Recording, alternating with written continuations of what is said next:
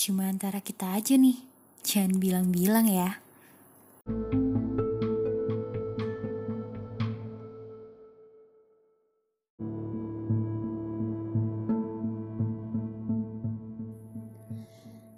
Well, to be honest, di episode ini gue sebenarnya berharap udah berhenti untuk ngomongin soal coronavirus karena di episode sebelumnya aja gue udah bilang kayak corona terus bikin pusing kepala. Tapi harapan gue episode lalu adalah bener-bener gue berhenti ngomong ya karena the world's getting better gitu. Tapi melihat kondisi sekarang 18 hari sejak corona masuk ke Indonesia dan mungkin udah sebulan lebih kali ya sejak virus ini menyebar dari Wuhan ke seluruh penjuru dunia. sedih juga sih ngelihatnya. Dulu tuh gue kira cuman ada di film-film aja tuh bakal kejadian kayak gini. Kalau lo sering mantengin film-film di Netflix atau di mana pun, kayak kondisi di mana orang-orangnya dikarantina di rumah, lockdown, terus ketika orang-orang harus cari bahan pokok untuk bisa mereka hidup terus, mereka harus pakai um, peralatan yang begitu lengkap supaya mereka bisa selamat. And it really happens now in the world. Terutama kalau di Indonesia sendiri paling kerasa ketika lo ada di ibu kota. Ketika selama ini lo kenal Jakarta itu adalah kota yang gak pernah tidur, kota yang jalanannya selalu rame, bising, banyak klakson. Bisa sesepi itu. Dan jalan-jalan arterinya sekarang tuh bisa bener-bener kosong. Gue lihat dari video-video yang ada dan dari cerita teman-teman gue. Kalau di bahasa Jawa tuh bilangnya langsung nyenyet alias langsung sunyi.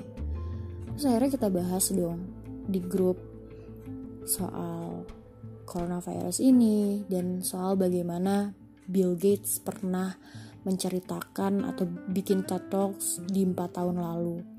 Jadi di 4 tahun lalu itu Bill Gates bilang kekacauan terbesar yang mungkin terjadi di dekade-dekade berikutnya di dunia itu bisa jadi bentuknya bukan lagi ledakan nuklir, melainkan virus yang mematikan. Dan betapa menyedihkannya untuk melihat kenyataan bahwa 4 tahun yang lalu dibilang gini, dunia itu sebenarnya berinvestasi sangat kecil untuk bisa memikirkan gimana nih kalau sampai yang terjadi adalah epidemi atau pandemi virus mematikan. Karena investasi yang dilakukan justru research and developmentnya lebih terfokusnya untuk uh, mencegah nuklir dan perang kayak gitu. Saya kayak gila ya men. Bener virus tuh bener-bener semematikan itu. Gue nggak pernah nyangka sih gue tahu ada virus-virus yang mematikan tapi di bayangan gue flu gak akan sampai kayak gininya. Sekarang kalau kita lihat kayak bahkan ketika dibandingkan dengan alat persenjataan militer paling kuat di negara mana pun virus tuh bener-bener gak terduga men. Kalau ranjau lo tanam tapi begitu ketemu fisiknya masih kelihatan. Wujudnya masih bisa kepegang rudal apalagi nuklir. Nuklir gede banget kelihatan but this one virus gue rasa cuma Tuhan yang tahu pergerakannya saking kecilnya. Ya emang gue ngaku sih bahwa di episode lalu gue bilang kayak gue udah gak mau talking about coronavirus lagi. But now it's like seeing without open your eyes. Beritanya bener-bener udah ada di mana-mana. Bahkan ketika lo stop seeking about that gak mau denger kenyataannya di sekeliling lo juga udah ada. Semua tuh coronavirus ngomonginnya dan gue denger di Italia itu salah satu negara yang katanya paling parah itu coronavirusnya adalah Italia. Dan karena saking membludaknya atau saking bener-bener udah banyaknya jumlah positive casesnya dan mortality-nya atau kematiannya akhirnya tim medis di sana udah pakai sistem um, triase atau penyelamatan bukan lagi berdasarkan siapa yang datang paling pertama atau siapa yang melapor paling pertama melainkan berdasarkan seberapa besar sih sebenarnya peluang hidup lo pada saat lo lapor. Let's say pada saat lo lapor ada orang yang lebih dulu datang dari lo.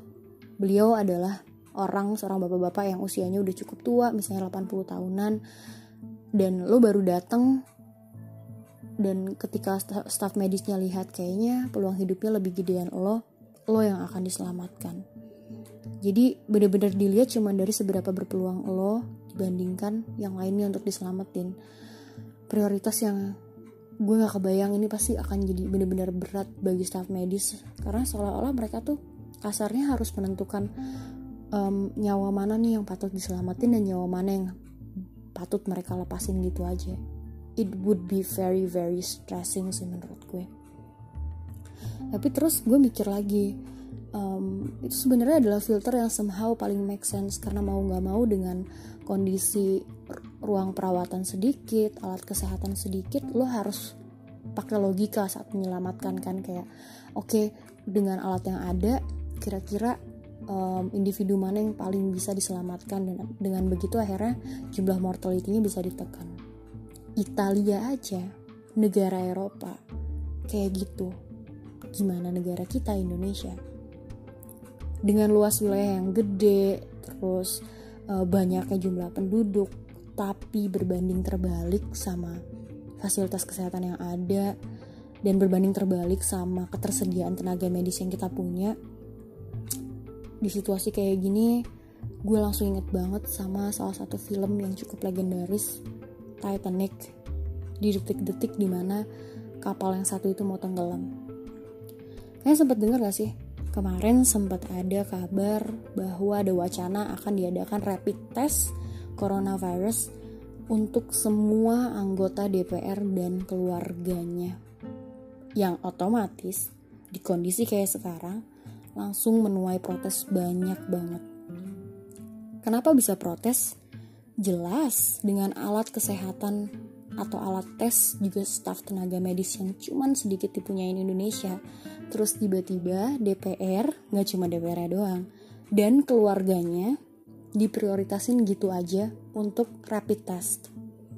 Gini deh, uh, gue akan lebih masuk akal kalau seandainya wacananya adalah semua profesi atau garda terdepan yang sangat rentan oleh coronavirus ini akan dites dan diprioritaskan lebih dulu. Misalnya, tenaga kesehatan dan keluarganya. Jelas karena dia setiap hari berhadapan sama pasien positif dong. Keluarganya pun akan ada kemungkinan terdampak juga atau sekelilingnya. Atau misalnya petugas keamanan rumah sakit yang berhadapan langsung juga sama positif um, pasien-pasien positif dan keluarganya dites dulu atau profesi-profesi yang berhubungan dengan uh, banyak orang seperti apa yang diterapkan sama Ridwan Kamil kemarin memprioritaskan profesi yang berhubungan dengan kelayak ramai. Itu make sense menurut gue. But this one ketika bilang DPR dan keluarganya um, kayaknya gue masih butuh untuk diajak bagian mananya ya yang harus diprioritasin. Toh selama ini juga lo kerja nggak langsung berhadapan dengan uh, rakyat apalagi dengan pasien positif kan selama ini aja kerjaan lo masih dipertanyakan ngapain gitu. Dan sekarang tiba-tiba lo mengajukan diri untuk dites duluan gitu. lo inget gak sih? Ini tuh kayak di film Titanic ketika adegannya um, pasti Titanicnya udah mulai tenggelam akhirnya udah masuk terus akhirnya mulai ada pembagian pelampung kan. Terus dengan jumlah pelampung dan scotch yang sangat terbatas akhirnya yang kebagian itu hanyalah para penumpang yang duduk di deck bisnis VIP eksekutif ke atas.